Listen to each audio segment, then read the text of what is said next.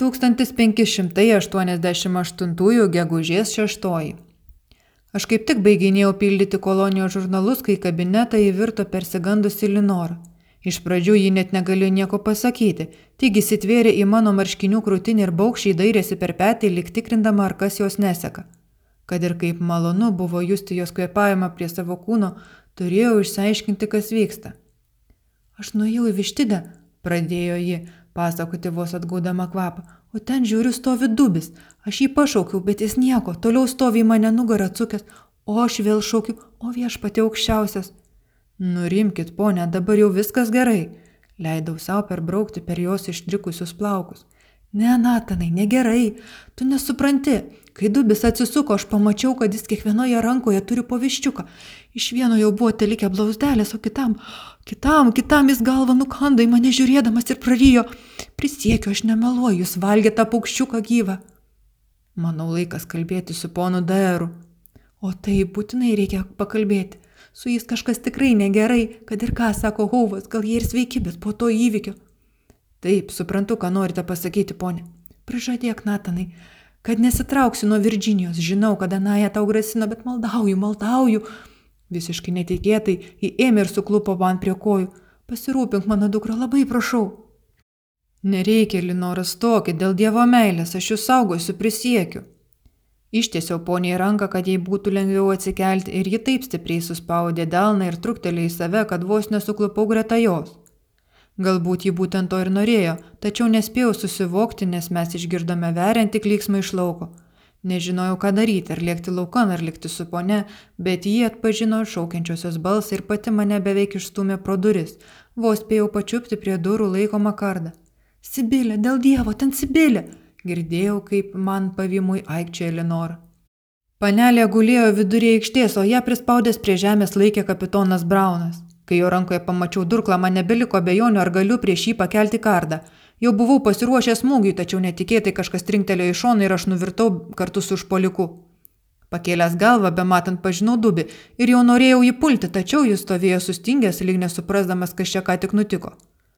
Palikau jį ir šokau prie panelės Sibilės. Kapitonas užsikniaubęs pjaustė jos krūtinę, tad nedelsdamas skirtau kapitonui per ranką. Kaip nustebau, kai ašmenys atšoko naujo kūno lyg jis būtų su kietu šarvu, nors po plasdančiais marškiniais te mačiau papilkėjusią krūtinę. Galbūt po rūbais buvo su riešo apsaugomis, nespėjau patikrinti, tiesiog trenkiausi į brauną pagaliau nublokždamas jį nuo merginos. Kai nuvirtome į dulkes prie mūsų jau buvo susirinkęs nemažas pulkelis. Jie padėjo surišti kapitoną, moteris pridengė suplėšytą Sibilės krūtinę ir nulydėjo į DR namus. Gegužės 7.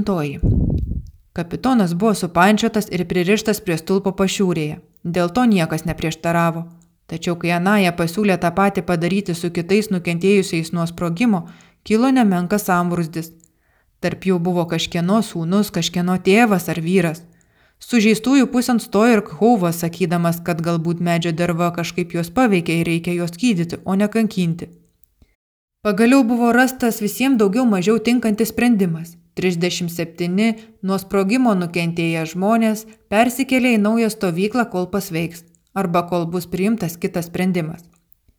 Kai išėjus trečdaliui gyventojų senoji stovykla ištuštėjo, Anaja susikvietė likusius ir liepė jiems persikelti į trobesius esančius arčiau Daero namų. Buvo duoti nurodymai apsiginkluoti ir būdėti naktimis. Įgaliotinis leido nužudyti bet kurį iš kitos stovyklos, jei jo elgesys pasirodys bent kiek grėsmingas. Hauvui buvo pavesta prižiūrėti Sibilę, kuri po užpolimo atrodė visiškai palūžusi. Nenuostabu, vien jau toks sužadėtinio elgesys galėjo nemenkai sukrėsti gležną moterį, o dar tos raidės, kurias jis išraižė ją ant krūtinės. Kro. Nie vienas nesuprato, ką tai galėtų reikšti. Net ir pats kapitonas, kurį mėgino ištardyti Daeras, nesugebėjo nieko iškaus pasakyti. Jis prisiekinėjo viešpačiu, jog jis to nedaręs ir jokiais būdais nebūtų sužeidęs panelės Sibilės. Gegužės 11. Tris dienas siautė didžiulė audra. Vėjas plėšė namų stogus, lietus lupo kaip diržu perčiu pravos nosį laukan iškišus. Ketvirtosios dienos rytą buvo pastebėta, kad pašiūrė, kurioje buvo kapitonas visiškai sumaituta, o Braunas pradingęs. Įvertinus padarytus nuostolius, Hauvas pareikalavo, kad būtų leista nueiti pas atskirtuosius kolonistus, įsitikinti, ar jiems nereikia pagalbos. Anaja nenoromis atrinko dešimt vyrų, tarp jų paskirdamas vietą ir man. Sakė, jog norės labai tiksliai žinoti, kaip ten viskas atrodo. Kopiant į kalvą vyrai ėmė keiktis, netikėdami savo akimis. Prieš savaitę stovėję baigiami statyti namai dabar buvo nardyti iki pamatų arba iš vis pradingi ir neaudra juos išgriovė, mat kalva buvo švari švarutėlė, lyg nušluota. Viskas buvo kažkur prašapę, lyg išgaravę.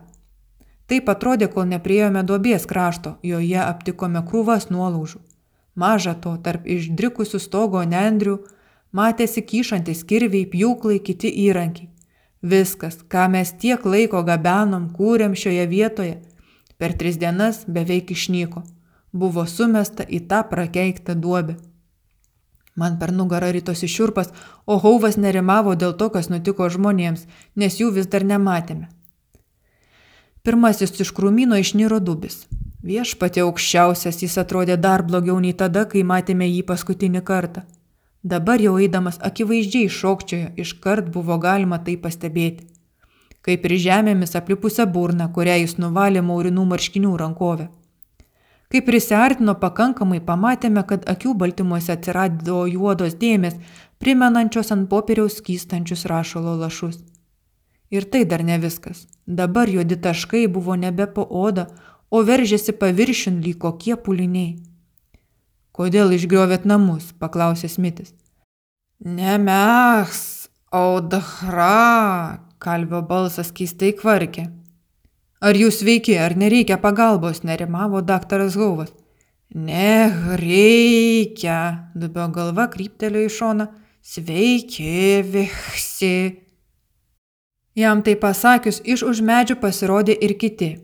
Judėjo jie šokčiodami kaip ir dubis, tik prie mūsų nesiartino. Liko medžių šešėlių priedangoje, todėl negalėjome gerai įsižiūrėti.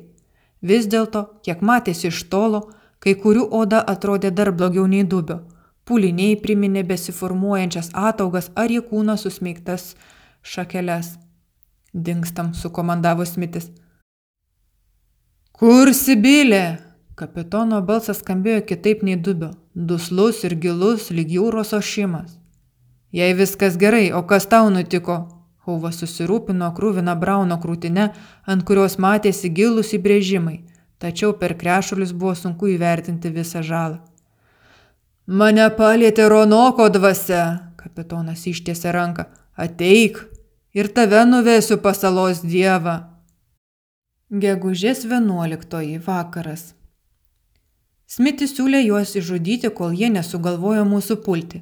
Kol kas mūsų daugiau, bet neaišku, kaip bus toliau. Pagaliau pripažinome, kad panelės Sibilės, kaip ir kitų, kuriuos sužeistieji prie laužo aptaškė išvemta derva, oda taip pat ėmė tamsėti. Jei ir šie žmonės taps tokiais padarais kaip anie, tuomet jų bus daugiau nei pusė.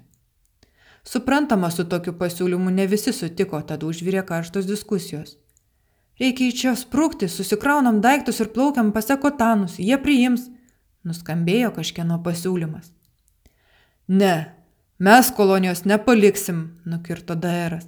Jei kelsimės į naują vietą, turėsime vėl viską pradėti nuo nulio.